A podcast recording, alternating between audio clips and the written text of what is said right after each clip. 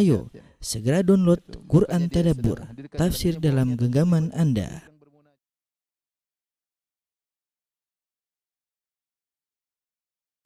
Bismillahirrahmanirrahim. Assalamualaikum warahmatullahi wabarakatuh. Alhamdulillahi ala ihsanih wa syukru lahu ala taufiqihi wa amtinanih wa asyhadu an la ilaha illallah wahdahu la syarika lahu ta'ziman li sya'nih wa asyhadu anna Muhammadan abduhu wa rasuluhu da'ila ridwanih Allahumma salli alaihi wa ala alihi wa ashabihi wa ikhwani. Para ikhwan dan akhwat yang dirahmati oleh Allah Subhanahu wa taala, para pemirsa yang dirahmati oleh Allah Subhanahu wa taala. Uh, alhamdulillah pada kesempatan malam hari ini kita dipertemukan kembali oleh Allah Subhanahu wa taala dalam rangka saling mengingatkan dan sebagaimana yang telah kita sampaikan, maka insyaallah pada uh, kesempatan kali ini kita akan sampai masuk pada pembahasan tentang wasiat-wasiat Ibnu Mas'ud radhiyallahu taala anhu setelah dua pertemuan kita jelaskan tentang sirah beliau.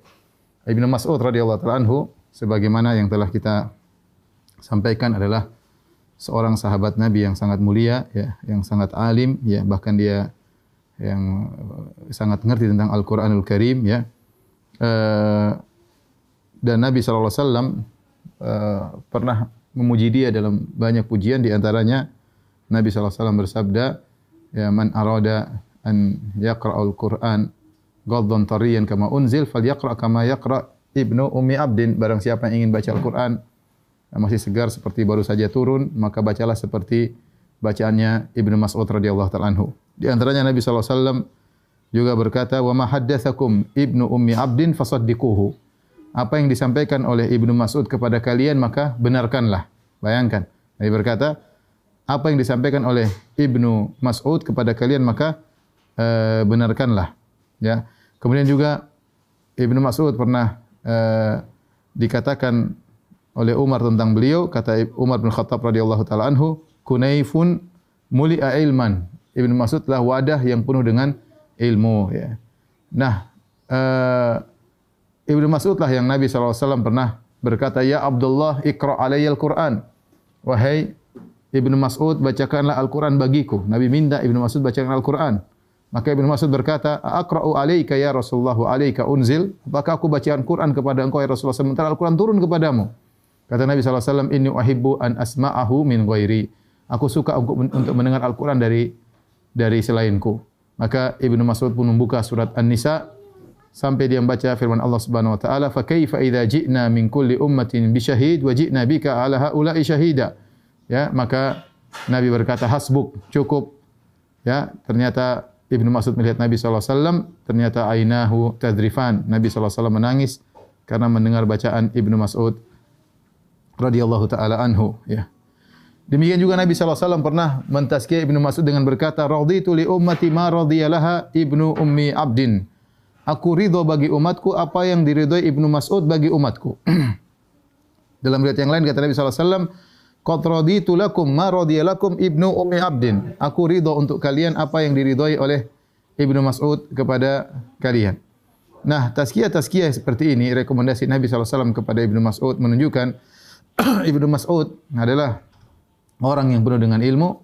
Tentunya ketika dia berbicara tentu yang keluar darinya adalah mutiara-mutiara yang hendaknya kita ya ambil mutiara-mutiara nasihat tersebut dengan dengan baik. Oleh karenanya Ibn Rajab Al-Hambali rahimahullahu taala menulis sebuah buku tentang uh, fadlu ilmi salaf alal khalaf ya tentang keutamaan salaf di di atas ilmu khalaf orang belakangan. Kenapa? Karena para salaf dahulu mereka pembicaraan mereka sedikit tetapi padat maknanya. Pembicaraan mereka sedikit tapi padat maknanya. Berbeda dengan orang-orang belakangan maka pembicaraan mereka banyak akan tapi sedikit maknanya ya. Ibnu Mas'ud tidak berbicara kecuali dengan kata-kata mutiara yang berisikan nasihat-nasihat bagi kita semua. Baik, saya akan banyak sekali nasihat-nasihat beliau, mutiara-mutiara nasihat dari Ibnu Mas'ud, tapi kita akan sebutkan sebagian saja ya dari nasihat-nasihat beliau. Di antaranya Ibnu Mas'ud radhiyallahu taala anhu pernah berkata tentang membaca Al-Qur'an kata beliau, "La tanfuruhu nasra ramli wa la tahudzuhu hadha syi'r." Kifu inda ajaibihi wa harriku bihil qulub wala yakun hammu ahadikum akhir surah kata Ibnu Mas'ud janganlah kalian baca Al-Qur'an seperti menabur pasir ya cepat dan jangan kalian baca Al-Quran dengan cepat seperti membaca syair. Cepat, jangan. Kifu inda ajaibihi. Berhentilah pada keajaiban-keajaiban Al-Quran. Waharriku bihil kulub. Goyangkanlah hati kalian ya dengan Al-Quran tersebut, yaitu renungkan, dalami maknanya. Walayakun hammu ahadikum akhir surah. Jangan sampai cita-cita kalian yang penting selesai di ujung surat. Ini diingatkan oleh Ibn Mas'ud tentang cara baca Al-Quran. Jadi nasihat yang luar biasa. Seorang baca Quran, dia boleh punya target. Saya ingin satu hari setengah juz, saya ingin satu hari satu juz. Tapi target yang lebih utama adalah apakah saya paham apa yang saya baca. Itu target yang lebih utama daripada sekedar target untuk membaca, menyelesaikan uh, satu juz atau dua juz. Ya. Makanya Ibn Mas'ud mengatakan, jangan baca dengan cepat-cepat, jangan buru-buru. Tapi berhenti. Berhenti, ambillah faedah-faedah dari Al-Quran yang kita baca. Maka kalau selama ini kita baca Al-Quran, yang penting adalah uh, khatam Quran atau yang penting adalah uh, berapa juz kita baca per hari, maka kita rubah ya. Itu bagus kita punya target agar bacaan kita selesai ya. Sebagaimana para salaf dahulu mereka khatam Quran dalam tujuh hari, ada yang tiga hari, ada yang uh, lebih lama, lebih cepat ya. Terutama di bulan Ramadan. Tapi beda mereka dahulu, mereka pakar bahasa Arab dan mereka pakar tafsir. Sementara kita yang baru belajar ini, kita berusaha menambah iman kita dengan membaca Al-Quran, tilawah dan juga tafahuman bagaimana memahami ayat-ayat tersebut. Maka Ibn Mas'ud menyuruh kita baca Quran sambil kita enjoy, kita nikmati bacaan tersebut. Kita baca maknanya, kita lihat terjemahannya, seperti itu. Itulah yang menambah iman. Itulah yang buat kita rindu untuk baca Al-Quran. Adapun kalau kita baca yang penting satu juz, dua juz, sekarang kan ada beban. Sekarang kan beban yang ingin kita lepaskan target. Targetnya juz, dua juz, tiga juz. Tidak, kita ingin baca Quran, kita nikmati ayat-ayatnya, kita baca tafsirnya, ilmu masuk dan ilmu ada kelezatan. Allah berikan kelezatan pada pada ilmu, apalagi ilmu tentang tafsir Al-Quran. Bagaimana tidak kita baca firman-firman Allah Subhanahu wa taala. Ini nasihat yang sangat indah dari Ibnu Mas'ud radhiyallahu taala anhu agar bagaimana cara baca Al-Quran yang benar itu bukan hanya target untuk berapa banyak ayat kita baca, berapa banyak surat kita baca, tapi berapa banyak ayat yang sudah kita pahami. Kifu inda ajaibihi. Berhentilah pada keajaiban-keajaiban Al-Quran. Taib. Kemudian uh, di antara nasihat Ibnu Mas'ud radhiyallahu taala ini sudah kita sampaikan pada pertemuan kemarin kita ulangi lagi. Ibnu Mas'ud pernah berkata, ya, "Lau ta'lamuna dhunubi ma wati'a aqibi ithnan." Kalau kalian mengetahui dosa-dosaku, maka tidak ada orang dua orang yang berdiri di belakangku ngekore aku, ngikuti aku. Wala hathaitu muturaba ala ra'si dan kalian akan menaburkan pasir tanah ke kepalaku. Waladitu anna Allah ghafara li dhanban min dhunubi dan aku berharap Allah mengampuni satu dari dosa-dosaku. Wa ini doa itu Abdullah bin Rawthah meskipun aku dipanggil Abdullah bin Rawthah. Rawthah itu kotoran himar. Tidak apa-apa, yang penting dosa-dosaku diampuni. Ini Ibnu Mas'ud ucapkan kepada orang-orang yang mengikuti dia. Ya. Ibnu Mas'ud uh, gelisah dengan orang-orang yang uh, mengikuti dia. Dia dia ingatkan ya, saya ini uh, bukan orang suci, saya punya dosa. Namun kalian tidak mengetahui dosa-dosaku. Kalau kalian tahu dosa-dosaku, tidak akan ada dua orang yang berada di belakangku, ya. Ini banyak salaf yang mengucapkan demikian. Seperti perkataan Muhammad bin Wasi', "Lau kana lidzunubi rih ma jalasa ilayya ahad." Kalau seandainya dosa-dosa itu ada aromanya, ada baunya, maka tidak seorang pun akan duduk denganku. Ini perkataan Ibnu Mas'ud ini sangat penting bagi kita yang kita hidup di zaman sekarang zaman medsos yang di sana ada namanya syuhrah, ketenaran, popularitas. Orang yang diikuti dia mudah terfitnah. Jadi saya ulangi nasihat Ibnu Mas'ud ini, "Lau ta'lamuna dzunubi ma wa ta'qibi isnad." Kalau kalian mengetahui dosa-dosaku tidak ada orang ikut ikut belakangku. Ibnu Mas'ud beri peringatan kepada orang yang diikuti dan orang yang mengikuti. Ya, saya saya ulangi lagi kita di zaman sekarang ini banyak yang senang dengan followers ya. Eh, kemudian kita bilang subscribers jangan lupa pencet subscribers jangan lupa ini gratis ya. Kita ingin banyak orang ikut kita. Hati-hati jangan ter, jangan terpedaya. Banyaknya orang yang mengikuti tidak menunjukkan kita berarti bersih, kita tulus. Tidak ada, tidak ada kelaziman. Tidak ada kelaziman ya. Yang kedua, nasihat kepada orang mengikuti. Bosnya ingat orang yang kau ikuti bukanlah nabi. Bukanlah Nabi. Ya. Kalau ini Ibnu Mas'ud berbicara tentang dirinya yang dia seorang sahabat yang direkomendasi oleh Nabi Sallallahu Alaihi Wasallam, yang Nabi Sallallahu Alaihi Wasallam tadi mengatakan, Maja akum min Ibnu Mas'ud fasaddiquhu. Apa yang disampaikan mahaddatsakum Ibnu Abi Abdin, Ibnu Umi Abdin fasaddiqu apa yang disampaikan Ibnu Mas'ud benarkanlah. Bayangkan Nabi bilang begitu, apa yang disampaikan Ibnu Mas'ud benarkanlah. Tapi Ibnu Mas'ud ingatkan bahwasanya saya bukanlah seorang yang maksum, saya punya dosa-dosa. Kalau kalian tahu kalian tidak akan mengikuti mengikuti aku. Ya. Maka kita sebagai pengikut ngerti bahwasanya orang di hadapan kita ini bukanlah nabi, dia punya salah, dia punya kekurangan. Ya. Jangan sampai kita fanatik, jangan sampai kita gulu berlebih-lebihan. Ya, akhi siapapun, apalagi kalau itu di zaman sahabat, apalagi zaman zaman sekarang. Maka nasihat, terutama di zaman sekarang orang yang berbangga-banggaan dengan jumlah yang banyak, pengikut yang banyak, followers yang banyak, subscribers yang yang banyak ingat bahwasanya itu tidak menjadikan anda menjadi orang terbaik di sisi Allah Subhanahu Wa Taala. Kalau ternyata anda sendiri adalah orang yang buruk di hadapan Allah Subhanahu Wa Taala. Kemudian nasihat Ibnu Mas'ud selanjutnya, ya. Uh, Ibnu Mas'ud diriwayatkan oleh Al Imam Al Bukhari dan juga Imam Muslim. Ya, Ibnu Mas'ud berkata, "Innal mu'min yara dhunubahu ka'annahu qa'idun tahta jabalin yakhafu an yaqa alaihi." Sungguhnya seorang mukmin, ini nasihat yang ketiga ya. Seorang mukmin melihat dosa-dosanya seakan-akan dia duduk di bawah sebuah gunung, ya khafu an yaqa alaihi, dia khawatir an yaqa alaihi, dia khawatir gunung tersebut jatuh menimpanya. Wa innal fajira yara dhunubahu kadzubabin. Adapun orang fajir, ya pelaku maksiat, ya orang apa namanya fajir, dia melihat dosa-dosanya kadzubabin marra ala anfihi. Dia lihat seperti zubab lalat yang melewat di depan hidungnya, faqala biha kadza. Dia hanya mengusir seperti ini. Dia dianggap remeh dosa yang dia lakukan. Perbedaan antara seorang mukmin dan seorang munafik adalah bagaimana sikap dia memandang dosa. Orang mukmin tidak pernah meremehkan dosanya. Dosa dosa kecil dia tidak remehkan apalagi dosa besar. Ya. Dia tahu Allah Maha Pengampun tapi dia tidak meremehkan dosa-dosanya. Dia tahu Allah Maha Penerima taubat tapi dia tidak meremehkan dosa-dosanya. Dosa yang dia lakukan buat dia gelisah. Dia tidak tenang, dia ingin kembali kepada Allah, dia ingin segera bertobat. Itu seorang mukmin. Orang munafik santai aja, dia tidak peduli. Mau dosa ini, dia mau dolimi orang, dia bohongin orang, dia mau gibahin orang, dia mau jatuhin orang, dia mau makan harta orang lain, dia mau menyakiti harta orang lain. Dia tidak peduli apa yang dia ucapkan, dia tidak peduli apa yang dia lakukan. Kenapa semua dosa di hadapan dia? Kadzubabin marra ala anfihi faqala bi yadihi hakadha. Seperti laler yang lewat depan hidungnya kemudian ditinggal usir. Dianggap remeh. Orang mukmin, tanda orang beriman, dia takut dengan dosanya. Ka'annahu qa'idun tahta jabalin yakhafu an yaqa alaihi. Sekarang dia duduk di bawah sebuah gunung, dia khawatir gunung menimpanya. Ini bukanlah hal yang dibuat-buat. Perasaan seperti ini muncul dari seorang yang benar-benar beriman.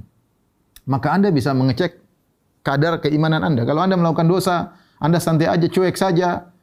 Ya, dosa yang Anda lakukan, ya, melihat apa yang Anda ingin lihat, mendengar apa yang ingin Anda dengar, ya, berbicara apa yang ingin Anda bicarakan, maka iman kita harus kita perbaiki. Harus kita perbaiki. Ya, jangan-jangan hati kita sudah kotor sehingga kita tidak memandang dosa yang kita lakukan sebagai sesuatu yang berbahaya. Ya, kalau orang mukmin, Ibnu Mas'ud mengatakan, dia melihat dosanya seperti gunung yang akan menimpanya. Khawatir-khawatir satu saat tiba-tiba gunung itu menimpanya. Khawatir tiba-tiba satu saat Allah mengambil nyawanya, mencabut nyawanya, kematian datang tiba-tiba tanpa memberitahuan terlebih dahulu. Kekhawatiran tersebut ada itu menunjukkan dia beriman. Adapun kalau dia cuek dengan dosa-dosanya, maka imannya dipertanyakan jangan-jangan hatinya telah terpenuhi dengan sifat-sifat kemunafikan. Taib. Uh, di antara nasihat Ibnu Mas'ud radhiyallahu taala anhu ya. Yang keberapa? Yang keempat. Uh, kata kata Ibnu Mas'ud radhiyallahu taala anhu, "I'tabirun nasa bi akhdanihim." Fa innal mar'a la yukhadin illa man yu'jibuhu. Kata Ibnu Mas'ud, nilailah manusia dengan teman-teman dekatnya. Kenapa? Karena seorang tidaklah bersahabat kecuali dengan orang yang menyenangkannya. Ini metode penilaian, ini penting. Seorang mungkin tidak tidak langsung menuduh seorang tapi dia bisa melihat teman-temannya. Dia untuk dalam rangka menjaga diri karena kita tidak boleh berteman dengan sembarang orang. Kata Nabi wasallam dan ini sama dengan sabda Nabi, "Al-mar'u ala dini khalilihi." Ya, seorang berdasarkan agama temannya. Falyanzur ahadukum man yukhalil. Maka seorang melihat siapa yang diajak berteman. Ini menunjukkan bahwasanya teman itu sangat memiliki pengaruh yang luar biasa. Sampai Nabi berkata, "Al-mar'u ala dini khalilihi." Seorang berdasarkan uh, agama temannya. Maka hendaknya seorang melihat-lihat. Falyanzur ahadukum man yukhalil. Seorang melihat siapa yang dijadikan teman. La tusahib illa mu'minan. Jangan kau, jangan kau bersahabat kecuali orang yang beriman. Maka Nabi, uh, maka Ibnu Mas'ud memberi kita ajaran dalam rangka menilai seorang, lihat teman-temannya. I'tabirun nasa bi akhdanihim. Lihatlah manusia, nilailah dengan teman-temannya. Siapa teman-temannya?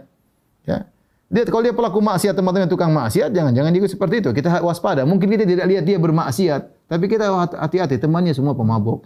temannya semua pezina misalnya, ya. Sama pemikiran, pemikiran. Ada orang kita enggak tahu pemikirannya seperti tapi dia teman-temannya takfiri, tukang ngafirkan sana, tukang ngafirkan, tukang sakifiran pemerintah, tukang mendukung orang bom sana, orang sini, tukangnya. Dia enggak ngomong, tapi kok teman-temannya seperti itu semua. Eh, ini kita punya kaidah, kita ada kaidah hati-hati, waspada. Ya, dia tidak mengucapkan, tetapi teman-temannya seperti semua. Dia tidak mengingkari teman-temannya, ini bahaya. Ya, ya pemikiran. Jadi dalam hal perilaku, dalam hal kemaksiatan, dalam pemikiran, berlaku nasihat Ibnu Mas'ud radhiyallahu taala anhu beliau berkata, "I'tabirun nasa bi akhdanihim." Nilailah orang dari teman-temannya. Fa innal mar'a la yukhadin illa man yujibu karena seorang tidak menjadikan sahabat kecuali orang yang mengagumkan dia. Maka waspada ya. Waspada. Apalagi di zaman sekarang ini seorang hati-hati uh, jangan dia sembarang bersahabat, jangan sembarang dia masuk dalam grup ya. Kita enggak tahu grup tersebut ternyata isinya amburadul ya kacau yang mengantarkan kita kepada kemaksiatan, mengantarkan kita kepada kebidahan, mengantarkan kita kepada pemikiran yang tidak benar, ya maka kita tidak sembarang kita berteman, kita memilih uh, teman yang yang baik. Taib. Ibnu Mas'ud ya juga uh, memberi nasihat ya nasihat yang luar biasa. Yang kelima beliau berkata, "Man arada dunya adharra bil akhirah, wa man arada al akhirata adharra bid dunya. Ya qaumi fa adhirru bil fahni lil baqi." Kata Ibnu Mas'ud, barang siapa yang mencari dunia, dia pasti memberi mudarat kepada akhiratnya. Barang siapa yang mengejar dunia, dia pasti memberi mudarat kepada akhiratnya, yaitu akhiratnya di akhirat kelak. Wa man arada al-akhirah, barang siapa mencari akhirat, mengejar ad-dharra bid dunya, pasti ada dunia yang dia korbankan. Pasti ada dunia yang dia korbankan. Ya qaumi maka kaumku fa adhirru bil fani, berkorbanlah dengan suatu yang sirna lil baqi untuk suatu yang abadi. Ini makanya ini saya ulangi nasihat Ibnu Mas'ud beliau berkata man arada dunya ad-dharra bil akhirah, barang siapa yang mencari dunia maka dia akan beri mengorbankan akhiratnya. Wa man adharra bil wa man arada al-akhirah adharra bid dunia barang siapa yang mencari akhirat maka akan mengorbankan dunianya. Ya qaumi fa bil fani lil baqi. Wahai kaumku maka hendaknya atau ya qaumu adirru bil bil bil fani lil baqi. Maka wahai kaum hendaknya kalian mengorbankan dunia yang akan sirna untuk akhirat yang yang abadi. Makanya ada istilah ulama mengatakan bahwasanya dunia dan akhirat adalah dharratan. Ya, dunia dan akhirat seperti dua istri yang saling cemburu. Ya, dua istri yang saling cemburu. Ya. ya saling bermusuhan. dua istri yang saling cemburu, saling bermusuhan. Tidak mungkin bersatu padu ya dunia dan akhirat. Ya. Kalau kita mencari akhirat pasti ada dunia yang kita korbankan pasti. Kita korbankan kesenangan kita. Bukan berarti kita tinggalkan dunia, tidak. Tapi kita menjalankan dunia seperlunya. Ya, kalau kita punya harta kita korbankan untuk kita bersedekah. Ya, kalau kita punya waktu kita korbankan untuk ibadah misalnya, untuk membantu orang lain, untuk baca Al-Qur'an, ya. Ada pengorbanan buat dunia, tapi kalau seorang mencari dunia pasti ada akhirat akhirat yang dia korbankan. Dia cari dunia ini. Ini haram dia libas ya. Akhirat dia dia korbankan. Ini waktunya solat dia tinggalkan. Ada akhirat yang dia korbankan. Harus beri, harus ribut dengan mengejar harta, harus ribut dengan saudara, dengan kakak dan adik, ribut bahkan dengan orang tua tidak jadi masalah. Kenapa dia kejar dunia? Akhiratnya dia korbankan. Maka ingat ya ikhwan, ya ikhwatah bahwasanya dunia dan akhirat adalah dua hal yang saling bertentangan. Ya. Kalau kita ingin membesarkan akhirat dalam hati kita, ada dunia yang kita korbankan. Kalau kita ingin cari dunia, maka ada akhirat kita yang korbankan. Ada suatu kelaziman yang tidak mungkin di, dipisahkan. Maka seorang tinggal berfikir, mana yang dia cari, dunia atau akhirat. Taib, di antara nasihat Ibnu Mas'ud uh, radhiyallahu taala anhu ya. Nasihat yang berapa? Yang keenam ya. Yang keenam. Beliau berkata, "Inna ma hadhihi al-qulubu aw'iyatun. Fasghiluha bil Qur'an wala tusghiluha bi ghairihi." Perkataan yang sangat indah kata beliau, sungguhnya hati ini adalah awiyah. Awiyah adalah tempat, ya. Bejana. Fasghiluha bil Qur'an, maka isilah bejana tersebut dengan Al-Qur'an wala tusghiluha bi ghairi dan jangan isi bejana tersebut dengan selain Al-Qur'an. Ya, saya ulangi kata beliau, inna hadhil quluba Oh iya, sungguhnya hati ini adalah bejana. Fasghiluha bil Quran, maka isilah dengan Al-Quran, penuhi bejana dengan Al-Quran, wala tushghiluha bi ghairi dan jangan kalian penuhi hati tersebut dengan selain Al-Quran. Ini nasihat dari Ibnu Mas'ud kembali agar kita perhatian sama Al-Quran. Hati ini ibarat bejana, sementara salurannya adalah apa yang kita lihat, apa yang kita dengar dan apa yang kita bicarakan. Semakin banyak kita berbicara tentang sesuatu, maka hati kita terisi dengan sesuatu tersebut. Seorang bicara misalnya, contoh, bicara bola, di sana ketemu sini bola, bicara sini bola, hatinya penuh dengan bola. Kalau mimpi juga mimpi bola ya. Apa perhatian dia? Kenapa hati itu bejana? Apa yang diisi itulah yang akan menggerakkan hatinya. Ya. Kalau dia bicara misalnya film, ketemu orang ketemu film ini, ketemu film apa, box office film ini, film terbaru ini, cuma film terus dia ngomong, itulah yang isi hatinya. Bagaimana bintang film ini, bagaimana binatang film ini, bagaimana ya, ya, yang lainnya. Itu pembicaraan itu seputar itu terus. Kenapa? Karena itu yang sering dia bicarakan. Ya. ya. Dan pembicaraan tersebut akan mengisi hatinya dan itu yang akan membias dalam hatinya dan itu yang bisa dia selalu renungkan dan itu yang selalu berputar dalam hatinya. Karena hati cuma bejana. Sama dengan apa yang dia lihat. Apa yang sering dia lihat itulah yang terbiasa dalam hatinya. Yang terbiasa dalam susah untuk dia susah untuk dia lupakan. Dan itu wajar seorang melihat sesuatu misalnya yang haram. Maka akan terbiasa dalam hatinya susah untuk dia lupakan. Untuk bisa membersihkan hatinya kembali dia butuh ya meninggalkan kecanduan tersebut berapa lama, berbulan-bulan baru kemudian itu pun belum tentu hilang kecanduannya secara total. Ada benih-benih yang bisa membuat dia kecanduan kembali. Kenapa? Hatinya sudah dia isi dengan kotoran, dengan apa yang dia lihat, kotoran yang dia lihat. Hatinya diisi dengan kotoran yang didengar sama, yang dia dengar macam-macam maka akan masuk ke dalam hatinya. Ya. Dan itu benar ya. Oleh karenanya seorang terutama di zaman sekarang ini, ini nasihat bagi kita semua, terutama di zaman medsos, di zaman internet ya. Seorang hati-hati dengan apa yang dia lihat, dengan apa yang dia dengar, dengan apa yang dia bicarakan. Karena itu saluran langsung sampai kepada hatinya dan itu yang akan membentuk isi hatinya. Oleh karenanya Ibnu Mas'ud mengatakan fasghiluha bil Quran maka penuhi hati kalian dengan Al-Quran. Seorang sibuk dengan Al-Quran, baca Al-Quran, pelajari artinya, pelajari tafsirnya, ya.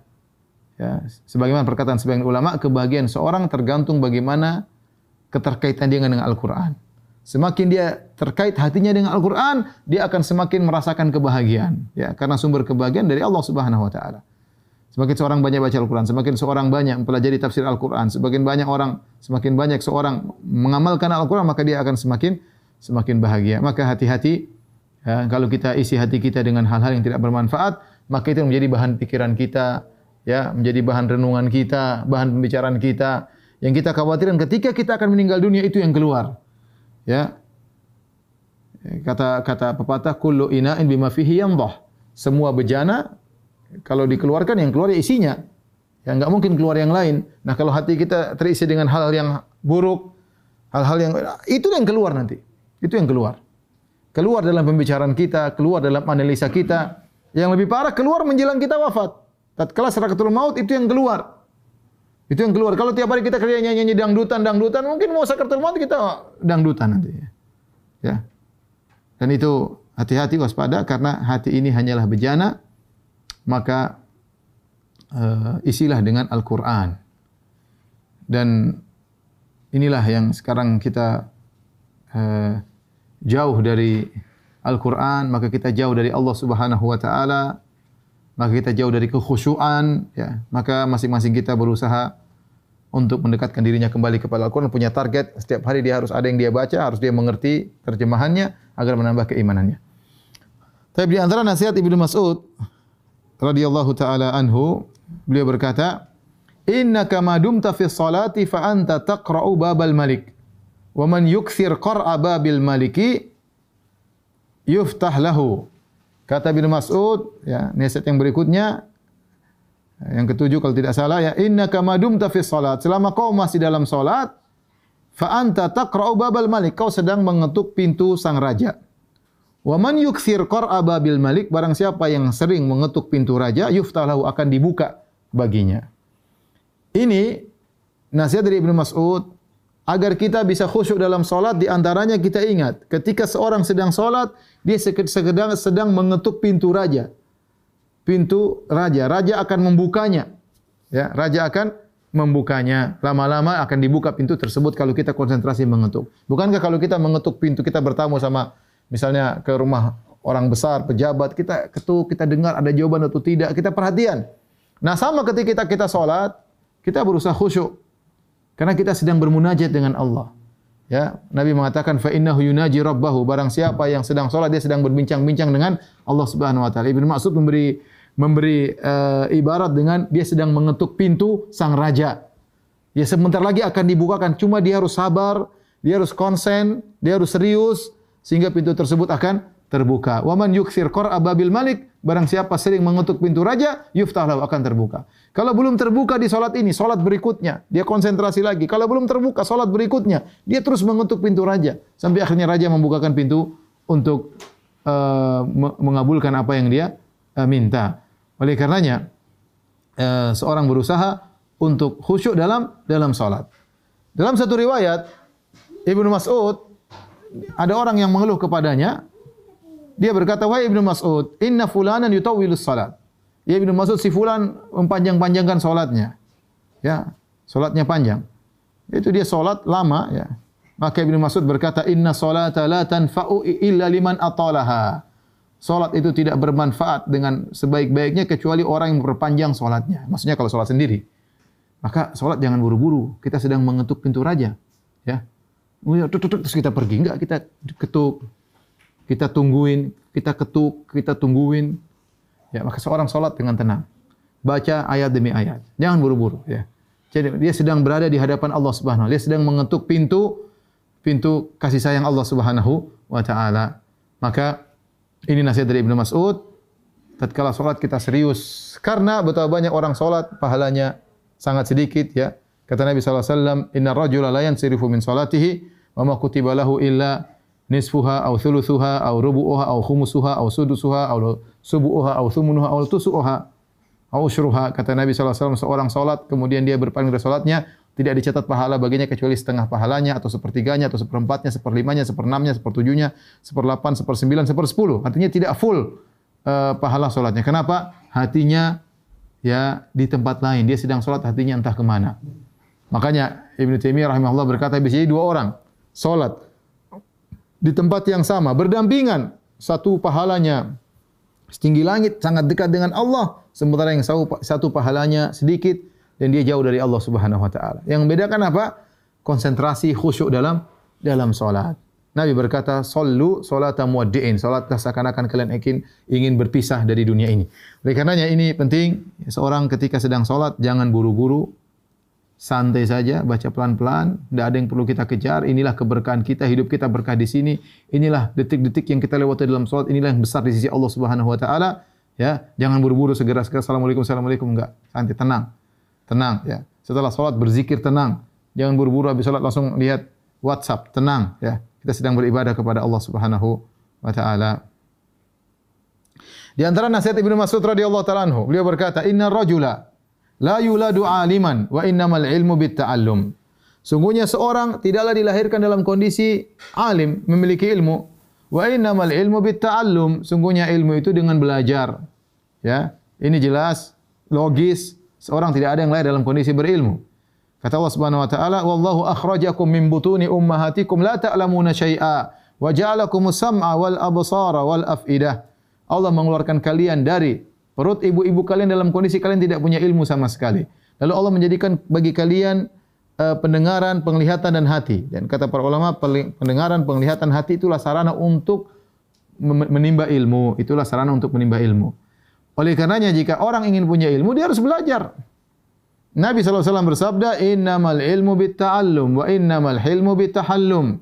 Wa man yatasabbar yusabbirhullah. Sungguhnya ilmu diperoleh dengan belajar. Sungguhnya hilm yaitu kesabaran ya ketenangan diperoleh dengan usaha untuk tenang berusaha untuk sabar. Wa man yatasabbar barang siapa yang berusaha untuk bersabar yusabbirullah maka Allah akan anugerahkan kesabaran baginya. Mustahil ada namanya ilmu laduni, mustahil. Ya, tidak ada namanya ilmu laduni. Ilmu laduni hanya Allah berikan kepada para anbiya, para nabi. Adapun yang lainnya harus belajar. Para sahabat dahulu mereka datang ke majelis Nabi, mereka belajar, mereka mencatat, mereka mengulangi, mereka murojaah. Para imam-imam semuanya demikian. Imam Syafi'i, Imam Malik, Imam Abu Hanifah, Imam Ahmad, Imam Bukhari, Imam Muslim semuanya pergi belajar, mencatat, mengulangi. Belajar. Adapun kalau orang tidak belajar dari mana ilmunya? Ini sudah tidak belajar, kemudian hobinya ngomong, hobinya tulis status, hobinya komentar. Dia tidak tahu, mungkin orang terpesona dengan komentarnya, orang terpesona dengan perkataannya. Ternyata dia sangat jahil ya. Oleh karenanya, jika seorang ingin punya ilmu, mau tidak mau dia harus belajar. Dan saya ingatkan bahwasanya seorang belajar dengan serius, mendengar apa yang disampaikan, mencatat, berusaha bertanya kalau tidak tidak paham ya. Baik, uh, nasihat berikutnya Ibnu Mas'ud berkata, La yazalu an-nasu bi khairin ma akhadhu ilman an akabirihim wa umanaihim wa ulamaihim. Fa idza akhadhu min shirarihim wa sigharihim halaku. Manusia senantiasa dalam kebaikan selama mereka mengambil ilmu dari orang-orang uh, orang-orang senior, orang-orang terpercaya dari ulama mereka wa ulama'ihim fa idza akhadhu kalau mereka mengambil ilmu dari orang yang buruk orang-orang yang masih muda-muda yang masih kecil-kecil halaku maka mereka akan binasa ya e, di sini Ibnu Mas'ud mengingatkan bahwasanya ilmu tidak sembarang kita ambil dari siapapun ya makanya Ibnu Sirin berkata inna hadzal ilma dinun fanzuru amman ta'khuduna dinakum ilmu adalah agama maka lihatlah dari mana kalian mengambil agama kalian kita tidak boleh berguru kepada siapa saja kita tidak boleh mengambil ilmu dari siapa saja. Ya. Kita lihat orang-orang yang memang uh, mereka berhak untuk kita ambil ilmu. Ya. Kita tahu bagaimana belajar mereka. Kita tahu siapa yang merekomendasikan mereka. Kita tahu mereka tidak ngawur dalam berbicara. Ya. Kita tahu mereka tidak asal berbicara sehingga banyak sekali kesalahannya misalnya. Maka kita waspada. Tidak semua orang pandai berbicara. Tidak semua orang pandai berorasi. Kemudian kita boleh ambil ilmunya ya semua adalah kawan ya teman saudara tetapi untuk masalah menimba ilmu maka kita tidak boleh sembarangan. Kenapa? Kata Ibnu Mas'ud kalau kalian mengambil ilmu dari orang-orang yang buruk dari junior-junior halaku maka kalian akan binasa. Sekarang banyak orang ya dengan adanya medsos dengan adanya uh, YouTube ya banyak orang pandai berbicara dengan persiapkan kemudian dengan gayanya berbicara dengan uh, menampakkan seakan-akan mereka berilmu ternyata tidak tidak berilmu ya. Dan orang terkadang terpesona dengan sebagian klip ya, terpesona dengan cara penyampaiannya ya, tetapi bukan menunjukkan orang tersebut berilmu. Maka intinya jangan sembarang menuntut ilmu. Menuntut ilmu dari orang-orang yang kita tahu bahwasanya ilmu mereka bisa dipertanggungjawabkan. Yang mengetahui bahwasanya ilmu adalah amanah. Tidak asal ngomong karena dia tahu apa yang dia sampaikan akan diminta pertanggungjawaban oleh Allah Subhanahu wa taala ya akan diminta pertanggungjawaban oleh Allah Subhanahu. Adapun seorang bicara sini bicara sana uh, mempesona pembicaraannya tapi isinya kosong setelah diperiksa ternyata ngawur. Ya jangan. Berarti dia tidak tidak amanah kepada ilmu. Ilmu itu amanah. Ilmu itu perkara besar. Ya. Kalau orang tersebut tidak amanah menjaga ilmu ngawur ngawur ngawur kesalahan sekali dua kali wajar. Tapi kalau sudah kebiasaan dia salah salah ngawur ngawur ngawur terus jangan diambil ilmu darinya. Ini berarti orang tidak pantas untuk berbicara.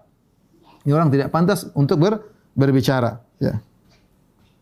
Makanya Ibnu Mas'ud juga pernah berkata, "Kaifa bikum idza labistu idza labisatkum fitnatun?" Bagaimana kalian juga kalian ditimpa dengan fitnah? Fitnah menimpa kalian. Yarbu fiha saghir wa yahrumu fiha al-kabir. Yang muda menjadi tua, yang tua menjadi pikun. Wa tuttakhadhu sunnah. Maka kemudian dijalankan sunnah fa idza yawman qila hadha munkar yaitu fitnah tersebut dijadikan sebagai sunnah. Sehingga ketika dirubah fitnah tersebut, ya dikatakan ialah kemungkaran. Ya. Qalu wa mata dzalik? Mereka bertanya kepada Mas'ud, kapan terjadi hal ini? Maka uh, Ibnu Mas'ud berkata, "Idza qallat umana'ukum." Jika sedikit orang-orang yang amanah. Amanah dalam dunia sedikit, amanah dalam ilmu juga sedikit. Orang tidak aman. Ilmu itu butuh amanah butuh amanah. Tidak sembarang orang berbicara. Tidak sembarang orang ngawur. Karena kalau tidak amanah, dia akan menyampaikan secara ngawur. Wa kathurat umara'ukum wa qallat fuqaha'ukum. Dan semakin banyak uh, penguasa-penguasa kalian. Wa qallat fuqaha'ukum. Dan semakin sedikit orang-orang faqih di antara kalian. Wa kathurat kurra'ukum. Dan semakin banyak orang yang ahli baca. Baca Al-Quran. Ya atau baca ini baca anu wa tufuqqiha li ghairillah dan orang menuntut ilmu bukan karena Allah wal tumisatid dunya bi amalil akhirah dan dunia dicari dengan amal akhirat ya. Maka seorang waspada ya jangan sembarang menuntut ilmu jangan terpesona dengan hanya sekedar penyampaian ya. Tapi kita tahu ini orang benar-benar berilmu enggak? Jangan terpesona dengan sekedar gaya ya. Jangan ter, terpedaya dengan sekedar tangisan jangan terpedaya dengan hanya sekedar uh, bumbu pembicaraan yang berisi dengan tawa dan canda. Lihat apa yang dia sampaikan ini ilmu atau bukan, ini ustaz atau penghibur misalnya ya. Dia harus bisa bedakan. Kalau ini bukan ustaz, tidak punya kafaah ilmiah, tidak punya kemampuan, kapasitas dalam jalan ilmu, jangan ambil dilarang, jangan ambil ilmu dari orang seperti ini. So, saya ingin hiburan-hiburan saja, enggak, ente nuntut ilmu atau cari hiburan, kecil hiburan ya terserah. Kalau nuntut ilmu, tidak sembarang kita ngambil ilmu. Dilarang. Tidak boleh. Ya, tidak boleh. Karena saya perlu sampaikan ini, kenapa? Karena sekarang banyak orang bisa me, memasyhurkan dirinya, mempopulerkan dirinya dengan apa? Dengan punya tim, kemudian bikin YouTube dan yang lainnya, kemudian subscriber terkadang nekat bikin subscriber palsu dan itu terjadi, ya. Orang-orang bikin supaya dia kelihatan hebat dan yang lainnya. Allah musta'an.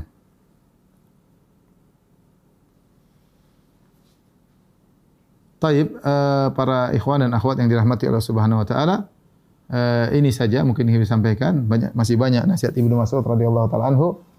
Eh, tapi saya rasa ini sudah cukup ya. Semoga jadi nasihat bagi saya pribadi dan juga bagi antum sekalian ya.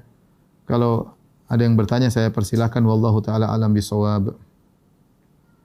Halo Assalamualaikum Ustaz. Waalaikumsalam ya. warahmatullahi wabarakatuh. Afwan Ustaz uh, izin bertanya Ustaz. Besar ini. akan kita uh, bertobat setelah berbuat dosa lalu setelah bertobat itu uh, tiba-tiba ada uji, apa uh, Allah Eh, kita merasa bahwa kita dapat musibah ataupun ujian setelah kita bertobat itu. Apakah itu dalam rangka Allah menghapus dosa-dosa kita lewat ujian dan cobaan tersebut, Ustaz? Jazakallah khairan, Ustaz. Uh, setelah kita berdosa, kemudian kita bertobat, kemudian kita dikasih ujian oleh Allah Subhanahu wa taala, kita husnudzan saja, husnudzan. Ya, mungkin tobat kita kurang sempurna, maka Allah sempurnakan menghapuskan dosa-dosa kita dengan dengan musibah tersebut. Dan sekaligus musibah tersebut kalau kita terima dengan tenang dengan husnudzon kepada Allah maka kita ridha kita ridha. Ya sudah ini Allah tegur saya ya. Allah baik masih menegur saya. Seandainya saya tidak ditegur mungkin saya akan terus bergelimang dalam dosa-dosa. Kita introspeksi diri ya. dan itu yang harus kita lakukan. Kalau kita terkena musibah kita introspeksi diri. Karena musibah tidak menimpa kecuali karena kesalahan kita. Wa ma asabaka min sayyi'atin fa min nafsik apa yang menimpamu itu adalah keburukanmu sendiri ya. Ma ma asaba min musibatin fa bima kasabat aydin nas. Apa yang menimpa menimpa berupa musibah akibat perbuatan uh, fa bima kasabat aydikum akibat perbuatan kalian ya. Uh, kalau kita terima maka derajat kita akan dinaikkan. Ya karena musibah itu fungsinya dua. Pertama menggugurkan dosa-dosa yang kedua mengangkat derajat. Ini hanya bisa diraih bagi orang yang uh, sabar dalam menghadapi musibah musibah tersebut. Maksud saya kenapa jangan sampai tatkala kita musibah, kita malah ujub. Ah, saya dapat musibah karena ini untuk mengangkat derajat saya, karena saya wali Allah, karena saya gini. Ada orang seperti itu. Kita nasihati akhi introspeksi diri. Emang saya salah? Justru dikasih musibah dia, kita bilang introspeksi diri, ingat-ingat mungkin kita punya kesalahan. Dia langsung naik. Akhazatul izzah. Kemudian dia merasa tinggi, dia tidak mau dinasihati. Ada orang seperti ini. Ya akhi ente, anda Nabi saja SAW istighfar. Nabi SAW istighfar. Terus anda kalau terkena musibah, kemudian anda merasa ini karena saya wali diangkat derajat, ini bukan karena kesalahan saya. Jangan seperti itu. Ya, kita ini kita siapa yang luput dari dosa? Siapa luput dari dosa? Siapa yang luput dari dosa pandangan? Siapa yang luput dari dosa ucapan? Siapa yang luput dari dosa pendengaran? Siapa yang menunaikan hak orang-orang sekitar dengan baik? Hak istrinya sudah dia tunaikan, hak anak-anaknya, hak orang tuanya, apakah dia sudah hak Allah sudah ditunaikan dengan baik? Kita ini penuh dengan dosa, kurang bersyukur kepada Allah dan seterusnya. Maka kalau Allah kasih musibah ya kita introspeksi diri. Alhamdulillah Allah tegur saya, alhamdulillah ala kulli hal. Kita bertobat kepada Allah Subhanahu wa taala. Kalau kita bertobat selain mengurangi dosa-dosa kita, menyempurnakan bersihnya dosa kita, semakin tinggi derajat kita diangkat oleh Allah Subhanahu wa taala. Maka saya bilang di antara uh, manfaat musibah, kita ini terkadang tidak ber, mungkin ada dosa yang kita mohon ampun, ada dosa yang tidak kita mohon ampun dosa-dosa tertentu kita mohon ampun ya Allah ampunin aku. Sebagian dosa kita cuek saja, misalnya melihat hal yang haram. Karena saking terbiasanya kita saja enggak kita lupa kalau itu dosa. Saking sering kita melihat yang haram sampai kita tidak menganggap itu dosa, tidak menganggap itu dosa sehingga tidak minta ampun. Nah, terkadang Allah bersihkan itu semua dengan menimpakan kepada kita sebagian sebagai musibah. Kita tidak tidak minta musibah, tapi Allah yang tahu apa yang terbaik bagi kita. Ya. Oleh karenanya, meskipun dia sudah bertobat, kemudian terkena musibah, ya, bisa jadi untuk semakin membersihkan dosa-dosa kita, ya, dan itu sangat mungkin kemungkinan besar karena kita penuh dengan dosa. Yang kedua, mengangkat derajat kita jika kita bersabar. Allah alam bisawab. Uh, semoga Ustaz, semoga Allah menjaga Ustadz dalam kebaikan. Ya, Bagaimana cara menanamkan bersifat selalu diawasi Allah dalam keadaan sendiri? Jazakumullahu khairan. Uh, tentu ini adalah uh, hal yang berat ya, terutama di zaman sekarang ya. Ketika kita bersendirian ya, uh, kita merasa tidak diawasi oleh Allah Subhanahu wa taala. Sehingga tatkala kita tidak merasa diawasi oleh Allah Subhanahu wa taala, akhirnya kita berani melihat apa yang dilarang oleh Allah Subhanahu wa taala, berani untuk mendengar apa yang dilarang oleh Allah Subhanahu wa taala. Ya. Karena kita merasa tidak diawasi oleh Allah Subhanahu wa taala. Ya, di antara cara agar kita menumbuhkan dalam diri kita bahwasanya Allah Maha melihat ya kita ya pelajari tentang nama-nama Allah, Allah As-Sami, Allah Al-Basir, Allah Maha melihat, Allah Maha mendengar ya. Allah Maha tahu apa yang kita lakukan ya. Uh, kita renungkan ya kajian-kajian yang berkaitan dengan hal tersebut. Sampai tertanam dalam diri kita bahwasanya Allah Maha tahu semua apa yang kita lakukan ya. Dan kita harus melatih diri, melatih diri begitu terbetik dalam diri kita keinginan untuk bermaksiat, maka segera kita minta pertolongan kepada Allah Subhanahu wa taala. Makanya di antara tafsir firman Allah Subhanahu wa taala waliman khafa maqama rabbih jannatan. Ya. Bagi orang yang takut dengan keagungan Rabbnya, dia akan mendapatkan dua surga. Di antara tafsiran para salaf yaitu orang yang terbetik dalam hatinya bermaksiat dan dia mampu melakukannya dan tidak ada yang melihatnya tapi dia tinggalkan. Dia tinggalkan. Ya, karena Allah Subhanahu wa taala bagi dia dua surga. Orang seperti ini yang meninggalkan maksiat padahal dia mampu untuk melakukannya tidak ada yang melihatnya, ini pahalanya besar. Ya. Makanya uh, Allah Subhanahu wa taala uh, menyebutkan tentang orang-orang yang takut kepada Allah tatkala bersendirian. Innal ladzina yakhshawna rabbahum bil ghaibi lahum maghfiratun wa ajrun kabir. Sungguhnya orang-orang yang takut kepada Allah tatkala bersendirian bil ghaib tidak ada yang lihat. Lahum maghfirah. Dia tidak lihat Allah dan dia sendirian. Lahum maghfirah bagi dia ampunan wa ajrun kabir dan ganjaran yang besar. Ya, terkadang Allah ingin kasih kita pahala besar dengan caranya demikian. Kita terjebak dalam kondisi sendirian, tidak ada yang bersama kita, kita ingat ada pahala besar yang Allah berikan. Ada ampunan besar yang Allah berikan kalau kita meninggalkan hal hal tersebut, ya. Tapi kalau kita tidak mempedulikan hal tersebut, ya, maka eh, akhirnya kita rasa muraqabah, merasa diawasi oleh Allah, akhirnya hilang dari diri kita. Ya. Jadi ini perlu penghayatan. Kemudian ingat akhirat kita ya. Kalau kita tatkala bersendirian kita bermaksiat maka terlalu banyak waktu yang kita buang. Catatan dosa kita semakin banyak ya. Setiap hari, setiap saat kita uh, punya tabungan deposit maksiat. Sehari satu jam, sehari dua jam, sehari lima belas menit terus, terus, terus, terus. Kita enggak tahu tiba-tiba tabungan kita sudah sangat banyak di akhirat dibongkar oleh Allah Subhanahu wa taala. Tentu hanya perkara yang hanya membuat kita menyesal di hari kiamat kelak. Semoga Allah mengampuni kita semuanya. Selanjutnya kalau ada yang bertanya. Uh, pertanyaan dari Salsabila Anissa di Depok, Zat. Pertanyaannya cukup bagus. Apakah kita termasuk orang yang berlebihan dalam mengikuti ulama jika kita hanya mengikuti kajian Ustadz Firanda saja, tidak mengikuti kajian Ustadz yang lain? Jadi cuma mengikuti kajian Ustadz doang, Ustadz. Silakan, ya, Ustadz. Uh, pertama, itu adalah sifat yang salah berlebihan. Dan itu menunjukkan sifat yang bahlul ya. Kenapa? Ya karena saya ini siapa ya? Ilmu saya sangat cetek, sangat terbatas. Masih banyak ilmu yang saya tidak tahu ya. Masih ada kawan-kawan kita para dai yang memiliki uh, spesialis dalam bidang-bidang ilmu yang lain.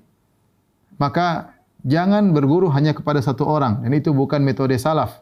Para salaf dahulu mereka berguru dengan guru yang banyak. Tentunya kita punya prioritas. Cari guru yang kebutuhan ilmu yang kita perlukan. Silakan. Kita ingin misalnya belajar ilmu akidah kepada Ustaz Fulan.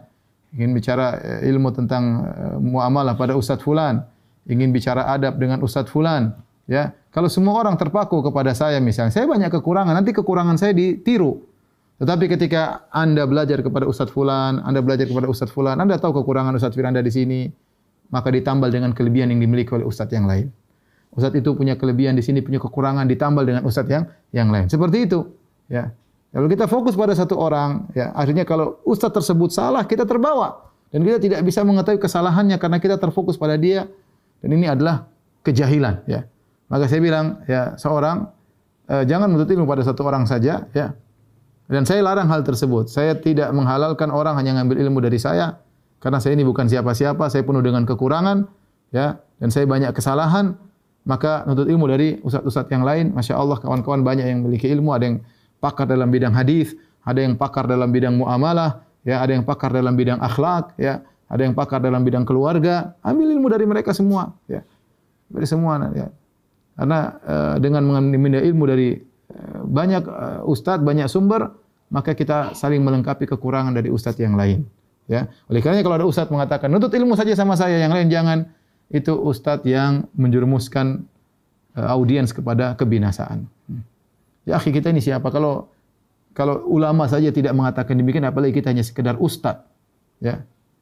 Oleh karenanya kalau ada orang kemudian taklid kepada seorang ustaz, maka ini kebodohan dia. Ya. Apalagi ustaz tersebut menyeru kepada hal tersebut, kebodohan sang ustaz. Dia harusnya sadar dia punya kekurangan. Ya. Banyak ilmu yang tidak dia kuasai. Siapa yang menguasai ilmu akidah dengan segala bidang-bidangnya? Siapa yang menguasai ilmu tentang firak dengan segala macam firqah-firqahnya? Siapa yang menguasai ilmu muamalah dengan berbagai macam uh, cabang-cabangnya. Ya, siapa yang menguasai ilmu hadis dengan berbagai macam cabang-cabangnya? Siapa yang fakih fuqaha? Siapa fakih sekarang zaman ini? Yang pakar tentang mazhab misalnya, pakar mazhab Syafi'i, pakar mazhab Hambali, tidak ada sekarang. Terus mengajak orang untuk taklid kepada saya atau kepada Ustaz Fulan, ya kita tahu diri. Oleh karenanya, uh, seorang tidak boleh fokus kepada satu ustaz, dia menuntut ilmu dari berbagai macam ustaz, agar ilmunya semakin berkembang dan demikianlah manhaj salaf dahulu mereka menimba ilmu dari berbagai macam sumber. Kecuali kalau kita bilang Rasulullah, Rasulullah ya sumber satu sudah cukup. Ya, Rasulullah dulu tidak mengatakan ambil ilmu dari fulan saja, tapi sahabat semua adalah sumber ilmu. Allah taala alam bisawab. Barakallahu fiik Ustaz. Uh, selanjutnya saya berikan kesempatan kepada Bang Rifki Amri di Medan. Silakan untuk bertanya langsung. Hmm, Bang Rifki Amri di Medan. Uh, Assalamualaikum warahmatullahi wabarakatuh. Waalaikumsalam warahmatullahi wabarakatuh.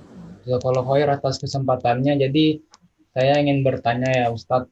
Jadi mengenai pembatal keislaman kan ada beberapa hal seperti syirik ya dan apakah jadi termasuk mungkin kurang tahu juga ya.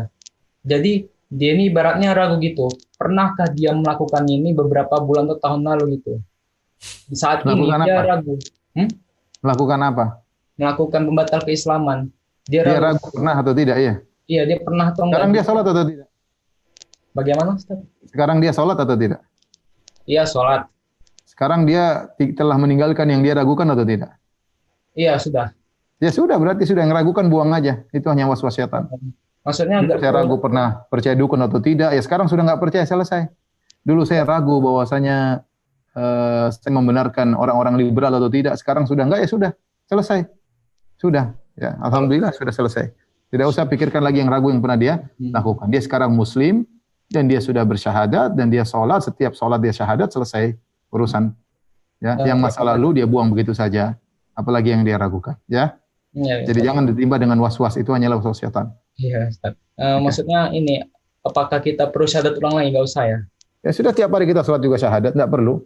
Kita syahadat kalau kita benar-benar kufur, wong kita tidak wong ragu. Ya, hmm. kita punya kaidah al, al yakin la yazulu bisyak. Keyakinan tidak dihilangkan dengan keraguan. Kita Islam ni yakin kita Islam. Kita lahir Islam, orang tua kita Islam. Terus kita melakukan kufuran masih ragu ya tidak dianggap. Kaidah mengatakan al yakin la yazulu bisyak. Keyakinan tidak di, tidak dikalahkan dengan keraguan. Ya.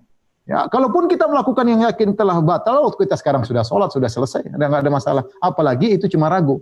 Saya ulangi, seandainya seorang orang kawan tersebut sudah pernah melakukan batal keislaman, sekarang dia sudah sadar, dia sudah sholat, dia sudah bersyahadat tiap hari, selesai urusan. Apalagi dahulu cuma hal yang yang ragu ya.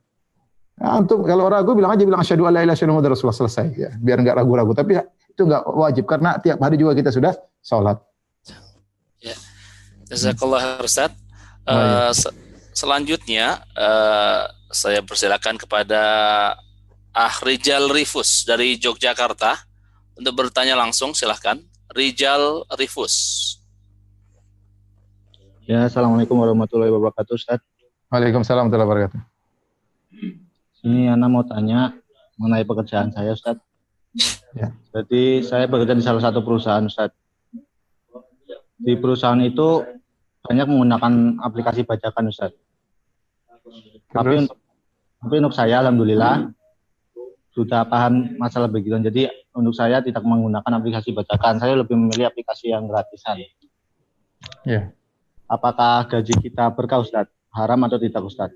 Bagaimana sikap kita di perusahaan tersebut? Uh, pekerjaan perusahaan tersebut halal atau haram? Alhamdulillah insya Allah halal. Halal ya sudah berarti masing-masing. Kalau pekerjaan tersebut halal, masing-masing Anda bekerja dengan cara yang halal. Anda nasihati kawan-kawan Anda ini mengurangi keberkahan. Nasihati nggak ada masalah. Kalau pun Anda nggak ada masalah, ya karena insya Allah anda sudah berusaha hasilnya halal dan cara anda bekerja juga halal ya. Adapun masing-masing melakukan bajakan atau menggunakan aplikasi bajakan maka itu masing-masing tugas kita kita nasihat dengan cara yang yang baik ya. Nasihat yang baik itu berapa paling keluar uang berapa aplikasi bajakan tersebut. Kalau apalagi bisa dikerjakan dengan aplikasi gratisan, maka buat apa kita yang bajakan? Kalau kita punya kemampuan untuk beli eh, yang asli, maka kenapa kita harus membajak ya? Insya Allah nggak ada masalah. Ya. Insya Allah itu Ustaz. Ya. Uh, pertanyaan selanjutnya Ustadz dari Batam dari Umahat ini Yeni dari Yeni di Batam Ustadz jika seseorang takut mati takut bertemu Allah karena merasa banyak dosa atau dosanya terlalu banyak apakah hal seperti ini tercela apakah hal seperti ini tercela Ustadz karena saya pernah dengar kalau kita enggan bertemu Allah Allah juga enggan bertemu dengan hambanya uh, benar itu Nabi SAW bersabda, uh, man kariha, man ahabba lika Allah, ahabba Allahu liqa'ahu. Wa man kariha lika Allah, kariha Allahu liqa'ahu. Ya.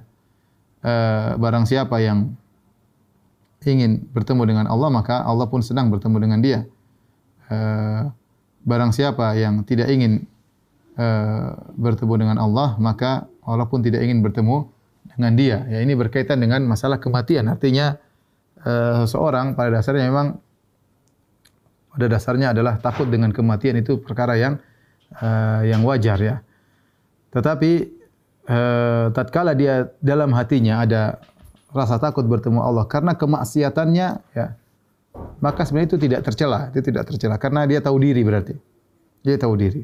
Yang tercela kalau dia membiarkan dirinya dalam kondisi demikian saja itu yang tercela maka hendaknya dia kemudian perbaiki dirinya kemudian menumbuhkan husnudzon kepada Allah Subhanahu wa taala itu yang dituntut ya.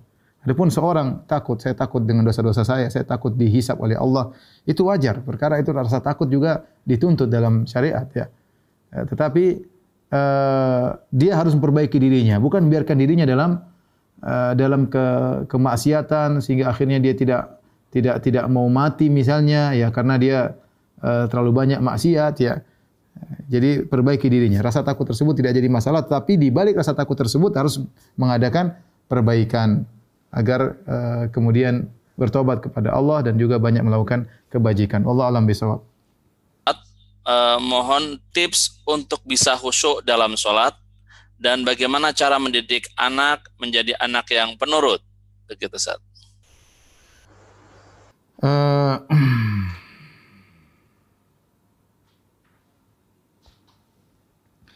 Eh, saya kembali uh, hadis tadi ya yang tentang barang siapa yang suka dengan bertemu dengan Allah maka Allah suka dengan bertemu dengan dia dan barang siapa man kariha lika Allah kariha liqa'ahu barang siapa benci kepada bertemu dengan Allah Allah benci dengan uh, bertemu dengan dia hadis itu ada kelanjutannya yaitu Nabi menjelaskan itu perasaan tersebut bukan tatkala kita sedang hidup tetapi tatkala sedang sakaratul maut Nabi bersabda, "Man ahabba liqa Allah, ahabba Allah liqa'ahu." Barang siapa yang suka bertemu Allah, Allah suka bertemu dengannya. Wa man kariha liqa Allah, kariha Allah liqa'ahu. Barang siapa yang benci bertemu dengan Allah, Allah benci dengan dia, bertemu dengannya.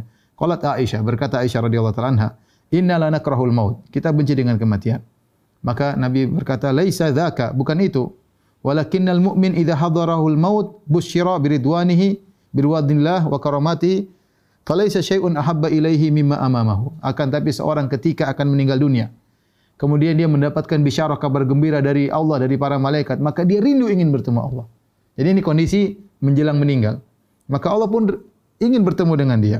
Ya.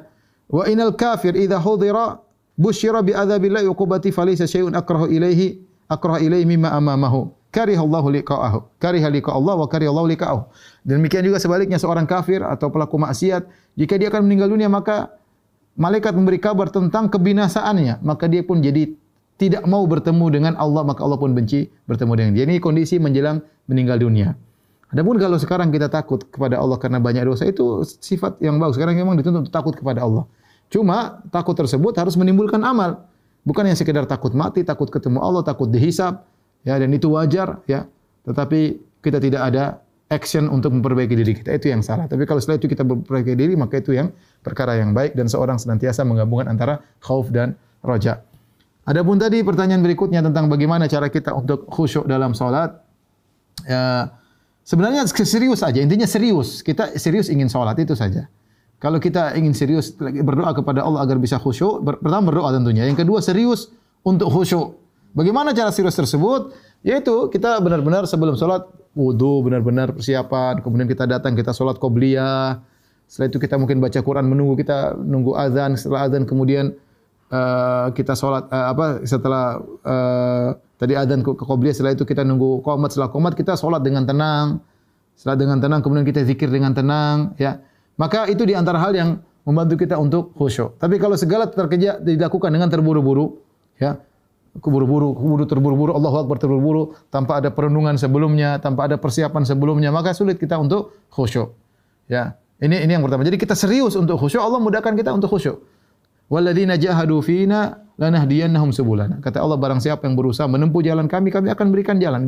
Siapa ingin khusyuk Allah kasih khusyuk. Yang kedua tadi kita berusaha lezat dengan solat. Gimana cara berlezat dengan solat? Kita berusaha memahami apa yang kita baca. Kita berusaha memahami yang kita baca. Alhamdulillah ada apa namanya uh, aplikasi bekal solat. Kita bisa lihat situ apa maknanya takbir, apa maknanya uh, ruku, apa doa ruku itu kandungannya apa, apa doa sujud kandungannya apa. Kita pelajari makna-makna kandungan apa yang kita baca apa tafsir Al-Fatihah. Ya, itu membuat kita membantu kita untuk untuk khusyuk ya. Ya. Insyaallah kalau kita yang, yang berikutnya merasa diawasi oleh Allah. Kalau kita merasa Allah sedang menilai solat kita, maka ini mudahkan kita untuk khusyuk. Makanya di antara derajat ihsan yaitu seorang ibadah apapun dan dia merasa Allah sedang melihatnya. Dia sedang merasa kehadiran Allah melihatnya dengan keagungannya sedang menilai perbuatan dia sehingga dia Allahu Akbar dia yakin Allah sedang menilai perbuatan dia sekarang sedang bermunajat dengan Allah itu butuh kita hadirkan sebentar saja enggak ada masalah tapi sekarang kita Allahu Akbar langsung pikiran kemana mana dan kita istirsal istirsal maksudnya biarin maksud saya kalau kita mulai pikiran kita kemana mana kita sadar kita sedang melanglang buana sedang kemana mana segera kembalikan saya sedang di hadapan Allah begitu dengan latihan seperti itu lama-lama kemudian kita akan bisa khusyuk dengan sendirinya. Tapi kuncinya tadi kita serius dan berusaha memahami apa yang kita baca. Karena hal yang buat kita tidak khusyuk tatkala kita tidak tahu apa yang kita baca. Itu yang buat kita tidak bisa khusyuk. Allah alam bisawab. Uh, selanjutnya kepada Ah Sukatman dari Bekasi, silahkan untuk bertanya langsung. Ahi Sukatman, ya. Iya, ya Ustaz. Ya, silakan uh, Afwan sebenarnya Ini saya masih bingung tentang tentang ilmu laduni. Sering teman-teman kita itu mengatakan orang nggak pernah ngaji tapi bisa mendapatkan ilmu dari kiainya gitu. Nah, ada cerita dia suruh cuman itu bohong. It, itu bohong. Kalau enggak pernah ngaji punya ilmu bohong. Datangkan kepada saya bohong. Mana ada ceritanya gitu. Kalau bisa gitu enggak usah buka Universitas Islam Madinah. Enggak perlu buka pondok-pondok itu bohong ngomong kosong. Itu cuma katanya-katanya doang.